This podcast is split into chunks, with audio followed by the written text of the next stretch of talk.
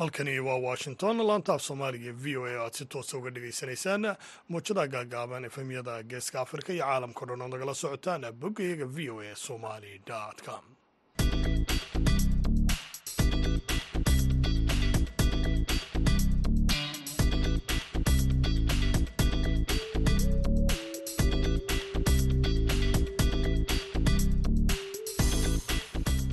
dhammaantiiba dhegaystayaal meel kastoo aad joogtaanba waa isniin taarikhduna ay tahay sagaalka bisha januari ee sannadka laba kun iyo saddex iyo labaatan. Idaacadda duhurnimo ee barnaamijka dhallinyarada maantana waxaa halkan idinkala socodsiin doona aniga ah cabdixakiin maxamuud shirwac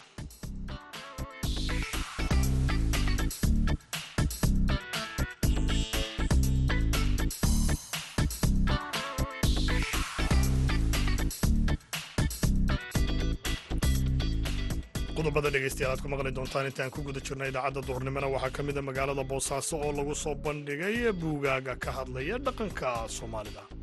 Buugga la yidhaahdo garaad kobcin iyo guuldarro dhaqaale wuxuu ka turjumayaa reer magaalka dadka reer magaalka ah oo dhaqanka magaaluhu ka turjumayaa.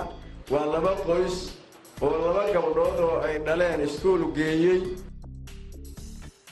sidoo kale waxaad maqli doontaa galmudug oo dhallinyaro baahiyaa gaarkaa qaba deeq siisay kaalmihii ciyaaraha iyo weliba heesii ayaad maqli doontaan intaan ku guda jirno idaacadda duhurnimo ee barnaamijka dhallinyarada maanta. Hase yeeshee marka hore ku soo dhowaada warkii dunida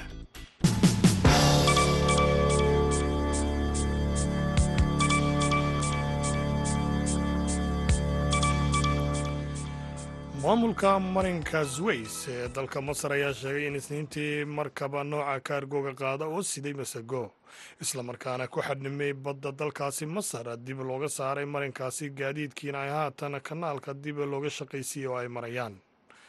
Wakaaladaha leethe oo ka shaqaysa adeega marinkaasi sways ayaa sheegtay in markabkan mv gallery uu ku xadhimay meel u dhow magaalada qantara ee maranka sways ee ku yaalla ismaaciiliya iyagoo intaasina sii raaciyay in saddex doonyaha maraakiibta riixaha ay ka shaqaynayeen sida ay meesha uga saari lahaayeen markabkaasi ku xanimay mas'uuliyiinta ayaana dhinacooga bixinin faahfaahinintaasi dheer oo la xidhiidha. Waxaa sababay in markabkaasi uu halkaasi ku cadilmo walow qaybo ka mida dalkaasi masar oo ay ku jiraan gobollada waqooyiga laga dareemayay cimilo aada u xun maalinnimadii axaddii mas'uuliyiinta dalka brazil ayaa sheegay in ay xidheen ku dhowaada laba boqol oo ka mida taageerayaasha madaxweynihii hore dalkaasi jer bolsonaro kuwaas oo galay maxkamadda sare ee baarlamaanka iyo madaxtooyada ku taalla brazil iyo axaddii shalay. Kumanaan qof oo ah dibadbaxayaal ayaana ku qamaamay dhismayaasha. Muuqaallo laga soo duubay dhismayaashaasi dowladda ayaana muujinaya iyaga oo burburinaya daaqadaha koraya saqafka sare ee dhismayaashaasi islamarkaana ku kacaya amaba samaynaya burbur kale. Wakaaladda wararka ee associated press ayaa sheegtay in dhismayaashaasi dowladda sidoo kale gudahooda la burburiyey. Waxaana ay mas'uuliyiinta dalkaasi brazil sheegeen in ay ku tala jiraan inay la xisaabtamaan dadkaasi dibadbaxa samaynaya islamarkaana ay dhismayaashaasi ka baadhi doonaan faraha dadkii galay. Sidoo kalena ay eegi doonaan sawiradii laga qaaday halkaasi intii burburku ka socday dhegaystayaal warkiina waa naga intaasi u diyaar garooba qaybaha kale idaacadda duhurnimo ee barnaamijka dhallinyarada maanta.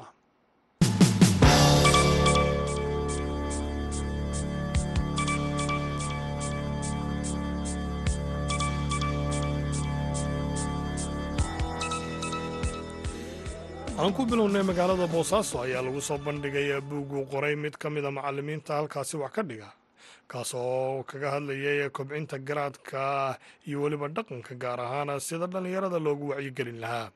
Waryahayaga yuusuf maxamuud yuusuf ayaa sheeka arrintaasi la xidhiidha nooga soo diray magaalada boosaaso.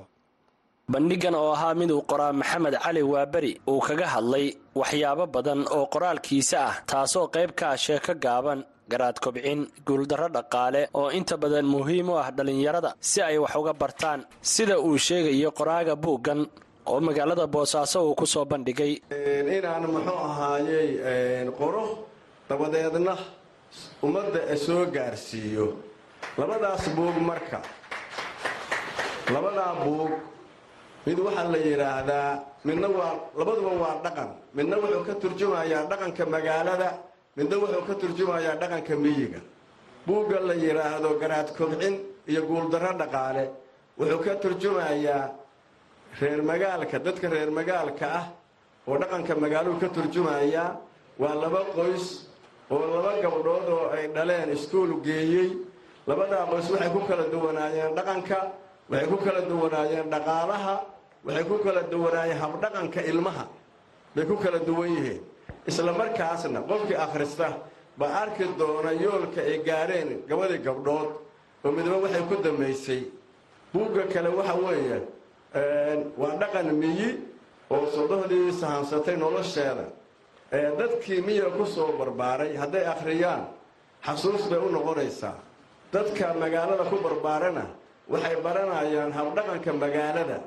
Bay baranay habdhaqanka miyigay baranayaan oo muxuu ahaayey habdhaqankaas waxa weeye hooyada wanaagsan kaalinta ay ku leedahay horumarinta qoyska buu qofkaasu ka helayaa. Wuxuu ka helayaa habdhaqanka meesiyada kala duwan ee xoolaha.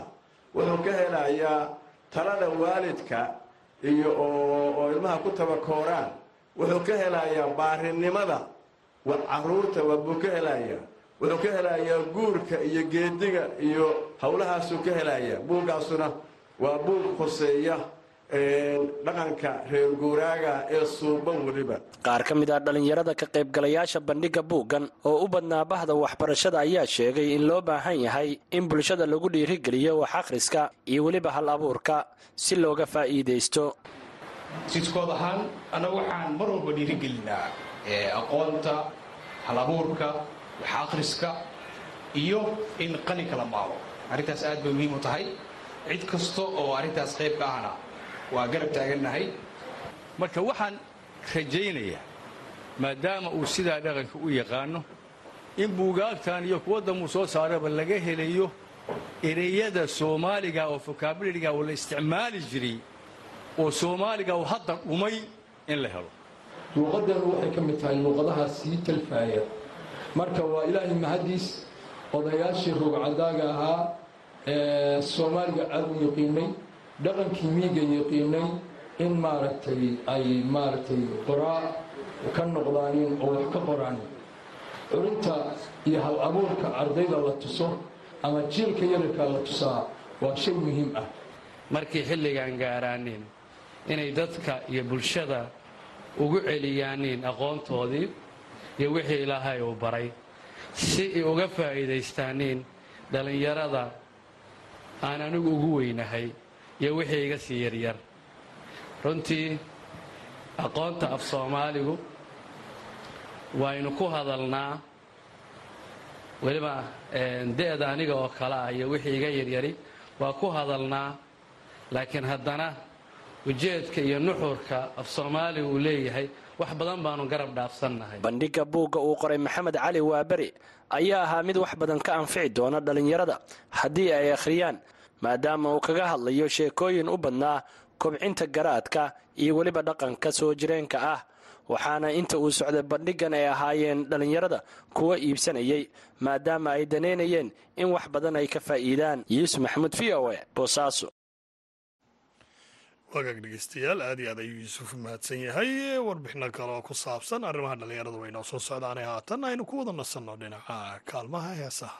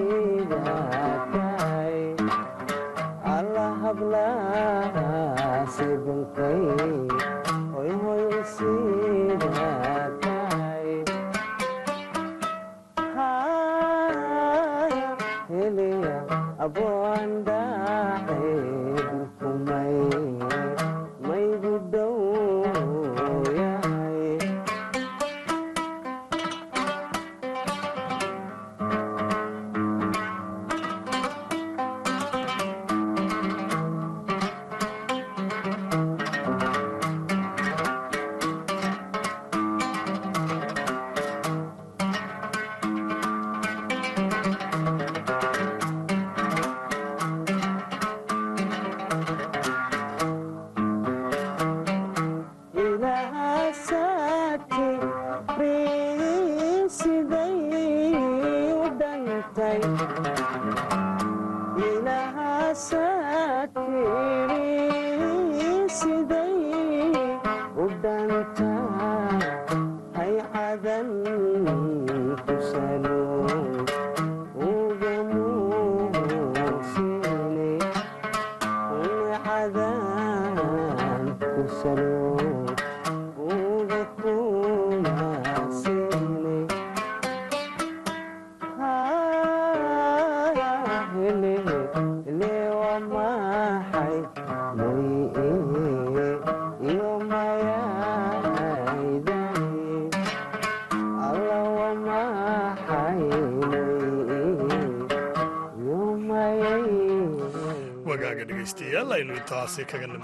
heestaasi codkiisa inagu soo gaarsiinaya. Banaxariistii jannaa ka waraabiyey cumar dhulle cali islamarkaana aynu hore ugu sii soconno qeybaha kale idaacadda duhurnimo ee barnaamijka dhallinyarada maanta. Haatanna aynu kacno dhinaca iyo magaalada gaalkacyo maamulka galmudug ayaa deeq gaadhsiiyey dad baahiyo gaara qaba. Kadib markii uu maamulka caawimaad ka helay hay'ada samafal wasiir ku-xigeenka dhallinyarada galmudug cabdiraxmaan axmed maxamed ayaa arrimahaasi uga waramay wariyaha v o e gaalkacyo cabdiwaaxid macalin isaaq waa mahadsan tahay v o a cabdiwaxid macalin isaaq waa dhowahay qalabkaasi wuxuu ka koobnaa qalab loogu talagalay dadka naafada ah gaar ahaan dadka gacmahala oo ka caawinaya inay wax qabsadaan sida caadiga nolosha dadka caadiga oo kale. Dharkooda xiran karaan cuntada cuni karaan wax qori karaan. Marka qalab fiican oo muhiim u ahaa oo aan ku wareejinay dowladda hoose oo loogu talagalo dadka baahiyaha gaarka qaba. Yaa idinka caawiya qalabkaas? Naga caawiye urur maxaliya oo degan gaalkacyo oo hadda ka hor aan ka codsanay inay dadkaas markaan aragno baahiyahooda inay caawiyaan nasiib wanaag si deg degay uga soo jawaabeen codsigeennii alxamdulilah dadkii maanta dad wax qabsan karo shaqaysan kara gacmahooda isticmaali kara wey maamul. Tira ahaan dadka loogu talagalay intay ka koobnaya ilaa soddon qoys baa hadda ka faa'idaystay laakiin waan rajeynaa intaa in ka badan insha allah inay ka faa'idaystaan faceka xagaadiilaadu wasiir waxaad sidoo kale nooga warantaa bal halka ay marayaan dhismaha garoomada kubadda cagta ee deegaanada dowlad goboleedka galmudug. Waa mahadsan tahay deegaanada galmudug. Garoomadoodu waa socdaan qorshahoodaa socda hadda dhuusmareeb oo kale gaalkacyo caabuduwaaq cadaado gurceel dhammaan waxaan rabnaa inaan ka sameyno garoomo standard ah oo marti gelin kara tartamada caalamiga. Sidaan rajeynayna waa labada kun afar labaatanka. Galmudug waxay marti gelin doontaa tartanka maamul goboleedyada marka waxaan isku dayaynaa insha allah ka hor inaan u diyaar haddana waxaan wadnaa qorshayaashii aan ku diyaarin lahayn. Hawsha waa socotaa waan rajeynaynaa insha allah sanadkan inaan wax muuqdo horumar wanaagsan ka qabano garoomada galmudug inkastoo ay kaa horeysay bixinta lacag loogu talagalay garoomada galmudug gaar ahaan xilligii xukuumaddii ra'iisul wasaare khayre uu ugu deeqay waxaa ka mid ahaa garoomadaasi gaalkacyo. Inkastoo garoomada kale qaarkood wax laga qabtay. Gaalkacyo ilaa iyo hadda waxba lagama qaban hawsheeda xaggee maraysaa? Waa mahadsan tahay waa labada kun iyo sagaal iyo tobankii ayay ahayd markii ra'iisul wasaarihii dalka xasan cali kheyre uu lacag ku bixiyay garoon gaalkacyo waxaa jira guddi la sameeyey hab la yidhaahdo oo dhalinyaro waxbaratay oo ka koobnaa oo lacagtaa loo dhiibay. Nasiib dara laakiin weli wax shaqaha ma qabsoomin ayagoo nitizaalkooda wadeen. Hadda markii la isoo magacaabo guddiga oo wada fadhiisanay way hayaan lacagta akoon ay ku jirtaa waxaana xoogga saarnay inaan shaqadii bilowno dhaqaajino. Waa wada fariisanay waxaan rajeynaa insha allah bishan februaayo janwarida hadday dhammaato februaayo inay shaqadii bilaabato. Muddan hadda shaqada ku dhex jirnay guddigii waa is wareysanay qorshayaashadii caqabadahooda nala wadaageen. Inaan wixii wax ka qabanno dhaqaajinaan ku balannay. Waxaan rajeynaynaa bishan februaayo garoonka gaalkacyo inuu bilowdo haddii ilaahay idmo aysan wax isbedelin. Ma waxaa jira wax caqabad ah oo hortaagan dhismaha garoonka waxaa jiray lacagta garoonka ay hayeen guddigu kuma filnayn. Waxay ka fakirayeen inay helaan lacag dhammaystiran oo garoonka ku filan. Markii aan degmada joognay waxaa jirtay lacag ay sheegtay hay'adda niis oo lagu kabaayey dhismaha garoonka. Waxay ahayd lacagtaas haddii la heli lahaa way ku filnayd garoonka. Waxay noo sheegeen guddigu lacagtii loogu tago garoonka inays naga ballan qaaday in loo wareejiyey meel kaleeto taas nasiib darre ahayd. Garoonka meelaha ugu muhiimsan buu ahaa degmada gaalkacyo oo loo baahnaa. Laakiin caqabadda ugu weyn oo ku dhacday guddiga taasay ahayd ay nala wadaageen. Marka hadda waxaan isku daynay inaan shaqadii bilowno. Inta la hayo wax lagu bilaabo. Waxaan is leenahay haddii wax la bilaabo wax dhimanna waa imaanayaan. Marka guddigii waa wada fariisanay qorshihii waa isla aragnay. Bishan februaayo haddii ilaahay idmo oo saxan u soo laaban waxaan rajeynaynaa garoonka inuu bilowdo. Shaqada ugu xooga badan hadda garoonkan maadaama lacagtii taal dhaqaalo ay u yaalaan in garoonkii bilowdo ayaan xoogga saarayna haddii ilaahay idmo waxaa jiray tartamo loo qaban jiray degmooyinka deegaanada dowlad goboleedka galmudug. Ka wasaarad ahaan inkastoo hadda labadii sane ugu dambeysay aan la qaban ma qorsheynaysaan in la qabto tartamadii degmooyinka kubadda cagta? Waa maqsan tahay waa waxyaalaha ugu muhiimsan weeye markii la rabo in la soo saaro xul ay leeyahay galmudug waa in ciyaartooyda deegaanka tartamo loo qabtaa horyaalkii la qabtaa si loo helo ciyaartooy quality oo matalaysa maamul goboleedka matalaysa si loo helo. Waa in tartankii la qabtaa oo qorsheynayna haddii ilaahadma tartankiina qabanno. Laba sano ka hor waxaan u maleynaha ciyaartooyda ugu muhiimsaneed oo matalaysa galmudug waxay ka soo baxeen tartamadii loo qabtay degmooyinka. Marka waxyaalaha baahiyaha ugu asaasiga u weyn weeye si loo helo ciyaartooy quality leh waa in la qabtaa horyaalka la qabtaa tartanka la qabtaa marka arrintaasi arrimaha ugu muhiimsan oo wasaaraddu ee focuska saaraysa waa haddii ilaahadmo waana rajeynaa insha allah inaan muddo gaaban ku hirgelin haddii ilaahadmo ugu dambeyntii xaggeed sanadkan isleedihiin waa lagu qabanayaa tartanka degmooyinka dowlad goboleedka galmudug waxaan is leeyahay kolley waa waxay u baahan tahay arrintaasi wasaaraddu iyo dhammaan in laga fekero. Ma odhan karo halkaasa lagu qabana laakiin meeshii wasaaraddu iyo dadka sportska khibradda u leh isla gartaan waxaan is leeyahay meeshii martin geli karta. Waxay u baahan tahay in laga fekero hadda ma dhihi karo meesha meel gaara lagu qabto wagaag dhegeystayaaalkaasna wuxuu ahaa wasiir ku-xigeenka dhallinyarada galmudug cabdiraxmaan axmed maxamed oo uu warameeyey waryahayaga cabdiwaaxid macalin isaaq. Halka weli aad nagala socotaana waa idaacadda duhurnimo ee barnaamijka dhallinyarada. Maanta haatanna waxaynu gudageli doonaa wararkii ugu dambeeyey ciyaaraha oo inoo hayo waryahayaga cabdiqaadir maxamed mursal samakaab soo dhowo cabdiqaadir bal wararkii ugu dambeeyey ciyaaraha iyo halka la kala marayo anigiyo dhegeystayaashaba nooga warbixi waa mahadsan tahay shirwac dhammaan dhegeystayaashana runtii waxaan leeyahay duhur wanaagsan. Haddii aan ku horumarno dalka ingiriiska waxaa xalay la ciyaaray kulamada f a cupka kulankii ugu weynaa ee shalay ama xalay dhacay wuxuu ahaa kii u dhexeeyey kooxaha manchester city iyo chelsea oo waayadan xaalka ku xun yahay. Kulankan waxaa lagu ciyaarayay garoonka kooxda manchester city waxaana afar iyo eber ku badisay kooxda manchester city laba ka mid a goolasha ayaa kulankaasi waxaa u dhaliyay ciyaaryahan riyad mexras labada gool oo kalena waxaa kala dhaliyay alvaras iyo foden. Kooxda chelsea ayaa waxa ay markaasi sanadkan u muuqataa kuwo jahwareer xoogan iyo isku dhexyaacsanaan uu ka muuqdo. Kadib markii ay la kulmeen guulbaradii toddobaad toban kulan oo ay ciyaareen tartamada oo dhan kulanna barbara ayay galeen laba kulan oo keliya ayay badiyeen. Tababaraha kooxda chelsea botter ayaa waxaa ku sii kordhaya cadaadiska kaga imaanaya maamulka iyada oo xitaa koobka adduunka intaan la aadin guuldarooyin uu la kulmayey kooxdan ayaa saddex maalin ka hor waxa ay la kulantay isla kooxda manchester city ee xalay ka badisay waxaana looga badiyay hal iyo eber. Marka inkastoo ciyaartooy ay ka dhaawacsan yihiin haddana waxay u baahnaayeen inay muujiyaan qaabkooda ama sheebkooda si markaasi loogu muujiyo ama loogu cudur daaro ciyaartooyda dhaawaca inay boosas buuxin karaan. Laakiin hadda waxay u muuqdaan gebi ahaanba kuwa jaha wareeray. Kooxda dhinaca dalka sbainna haddii aan fiirino kooxda barcelona ayaa waxay keli ku noqotay hogaanka horyaalka laliga kadib markii shalay ay isaga hor yimaadeen ama xalay kulan adag kooxda atletic madrid waxay hal iyo eber ay uga badiyeen waxaana u dhaliyay ciyaaryahankooda cusmaane dambele laakiin kulankan waxaa calaamad qaatay ama ciyaarta laga saaray savage iyo torres oo runtii waxaa moodaa kulankan inuu dagaal badan ka dhex dhacayay. Labada kooxood ay aada u filtamayeen barcelona oo maanka ku haysay guuldaradii soo gaartay kooxda real madrid maalin ka hor kaga badisay markaas real madrid kooxda almeria laba iyo eber. Waxay rabtay inay ka faa'iidaysato maadaama ay isku dhibco ahaayeen guushiina xalay ayay gaareen oo hadda waxay leeyihiin koob iyo afartan dhibic.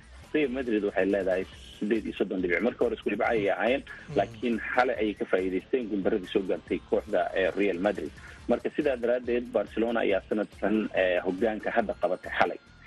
Dhinaca kale kulamadii kale ee dhacay ee horyaalka laliga xalay waxaa ka mid ahaa kii real batis ay labii hal oga badisay kooxda rayo volcano waxaa kale oo sevillana ay labii eber oga badisay kooxda kale ee aan idhaahde getaf.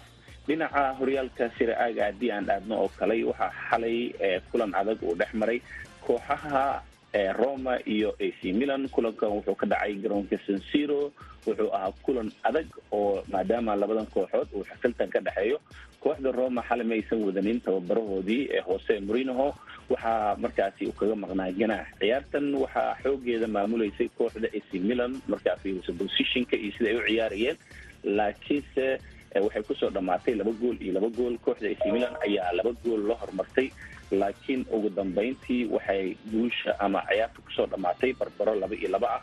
Sidaasna waxaa markaasi ay ku soo dhammaatay laba iyo labo ciyaartan aad ayay u adkeed sidoo kale kooxda lazio waxay barbaro isla dhaaf waayeen kooxda kale ee impoli lazio iyada naftigeeda maalma aan idhaahde lazio waxaa saddex iyo laba oga aan idhaahde laba iyo laba ay isla dhaaf waayeen kooxda impoli lazio maalmahan ayaga naftigooda xaalka ayaa ku xun oo guulo toosa way gaari la-yihiin specia iyo lechana every eber ay ku kala baxeen. Napoli ayaa dib ugu soo laabatay waddada guusha oo hogaanka horyaalka sircaaga haysa waxaana ay laba iyo eber oga badisay kooxda samdoria marka samdoria qof ayaa calaamada casaanka ah ka qaatay kooxda napoli cadaadis ayaa soo fuulay kulankii la soo dhaafay markii ac milan ay badisay. Laakiin shalay ayay badiyeen waxaana laga qabtay kooxda ac milan. Marka sidaas ayay xoogaa maaragtay kafiifa ku heleen. Marka sidaas ayay ciyaarihii u dhaceen shirwacow waa hagaag cabdiqaadir iminka haddaynu ku noqono oo kale tusaale ahaan intaynaan waddamada kale ingiriiska iyo aynaan eegin iyo iyo iyo spain talyaaniga oo kale waxaa tilmaantay in kooxda naabili haata ay horyaalka dib ugu soo noqotay roma iyo ac milan labiya laba isla dhaafi waayeen. Kooxii waaweynaa juventus iyo inter milan iyo iyagu xaggee ku dambeeyeen ayaga ma juventus runtii way badisay oo hal gool iyo eber ayay runtii ku badisay. Marka taas ayaa waxaa la dhihi karaa marka iyaga naftigooda way soo dhowaadeen. Uve waa koox si weyn looga baqo oo inkastoo hoos u dhac uu ku yimid laakiin hadda waxay soo bilowday cadaadis ah inay soo saarto kooxihii hogaaminayay. Marka juventus sidaa la socono kulamadii hore looma haysanin inay tartamo dhaba tahay laakiin hadda kulanka u dambeeyey udaneza ayay kaga badiyeen hal iyo eber sabtidii. Marka horyaalka siraaga iyaga ayaaba hadda kaalinta labaad soo galay oo kooxda ac milan ayay kala baxeen. Oo waxaaba la dhihi karaa hadda ac milan iyo uve waa isku dhibco laakiin haddana waxaa markaasi la leeyahay kooxda yuva ayaa goolasha ku soo gashay. Inkastoo yuva ciyaaryahankoodii paul pogba uu ka dhaawacan yahay oo si weyn ay uga xisaabtamayeen haddana napoli ayaa weli horyaalka waxay ku haysaa toddoba dhibic oo afar iyo afartan dhibic ay leeyihiin. Yuve iyo milan waa isku dhibco oo toddoba iyo soddon ay taagan yihiin laakiin farqiga goolasha yuventus ayaa soo gashay. Marka inter milan iyo ac milan iyo lazi intay iyaga isku mashquulsanaayeen waxaa ka soo dhex dustay kooxdii yuventus oo aan xusuusano inay horyaalka isku xijisay toban sano. Marka haddii ay mar qabatana waxaa la leeyahay toban sano oo xiriir ay qaadayeen cabsidaas ay waagaag ugu dambeyn haddaan ku weydiiyo dalka ingiriiska ama premiershipka oo kale kooxdii man city waad sheegatay chelsea oo ilaa afar bay kaga badisay gool. Kooxihii kale arsenal oo imika muddooyinka ugu dambeeyay adana aada loo hadalhayay hogaanka iyo weliba dee rajada ay ka qabto inay ku guulaysato. Iyada xaggee iyaduna maraysaa xaaladeeda iyo liverpoolba runtii liverpool nafigeeda xaalkeeda ma fiicna sanadkan laakiin arsenal ayaa ah ilaa iyo hadda kooxda la loodin layahay sanadka oo dhan waxaa soo gaartay hal guul daro runtii waxayna ku hayaan ilaa iyo hadda shan dhibic horyaalka ay ku hogaaminayaan. Laakiin sida premier league oo kale manchester united ayaa iyadana hoos ka soo xaluulanaysa oo iyadana loo haystay inaysan tartami doonin oo hadda booska afaraad soo gashay oo runtii. Laakiin manchester city ilaa iyo hadda dadka ciyaaraha falanqay waxay leeyihiin waa kooxda ugu awooda badan walow laga sarreeyo. Haddana waxaa jirta cabsi ah haddii manchester city ay soo marto fikta sare inay adkaan doonto in laga faramaroojiyo. Marka waxaa la leeyahay arsenal shaqo badan ayaa u taala. Hadda suuqa ayay ku jiraan. Arsenal toban ciyaartoy ayay haystaan oo bedel fiican ma haystaan. Haddii ay ka dhaawacmaan waxay noqonaysaa inay dhibaato badan ay maraan. Marka sidaa daraadeed waxaa la leeyahay arsenal suuqa ha gasho si ay u sii joogtayso weli dadka waxay aaminsan yihiin qaar badan oo ka mid a in horyaalkan manchester city ay maaragtay ku guuleysan karto. Waa aad iyo aad ayaad u mahadsan tahay dhegaystayaaalkaas wuxuu ahaa wariyahayaga cabdiqaadir maxamed mursal samakaab oo wararkii ugu dambeeyey ciyaaraha dunida inala wadaagayey gabagabada idaacadayna ku dhownaya haatanna aynu mar kale dibu jaleecno dhinacii kaalmaha heesaha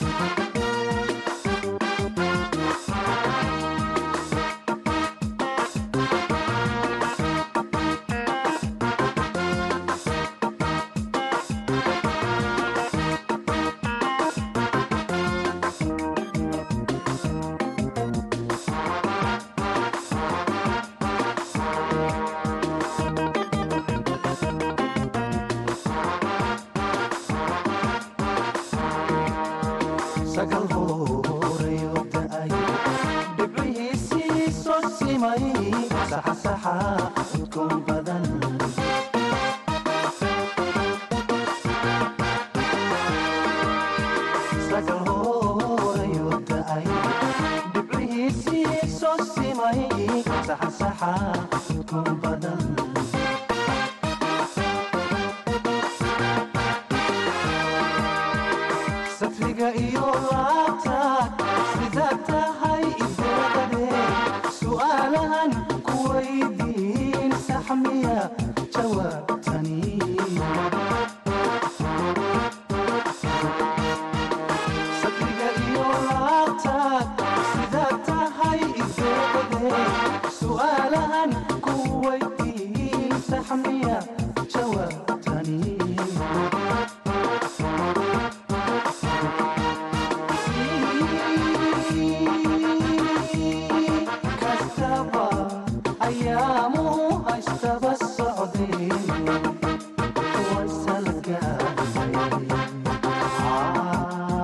Heestaasi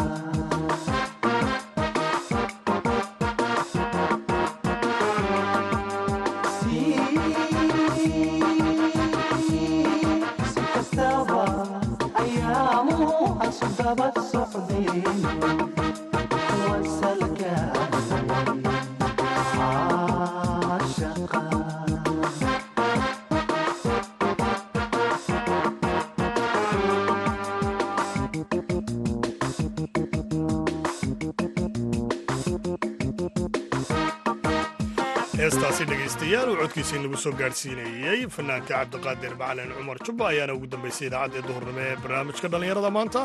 Tan iyo kulanti dambe waxaan idin leenahay dhammaantiinba meel kastoo aad joogtaanba sidaa iyo nabadgelyo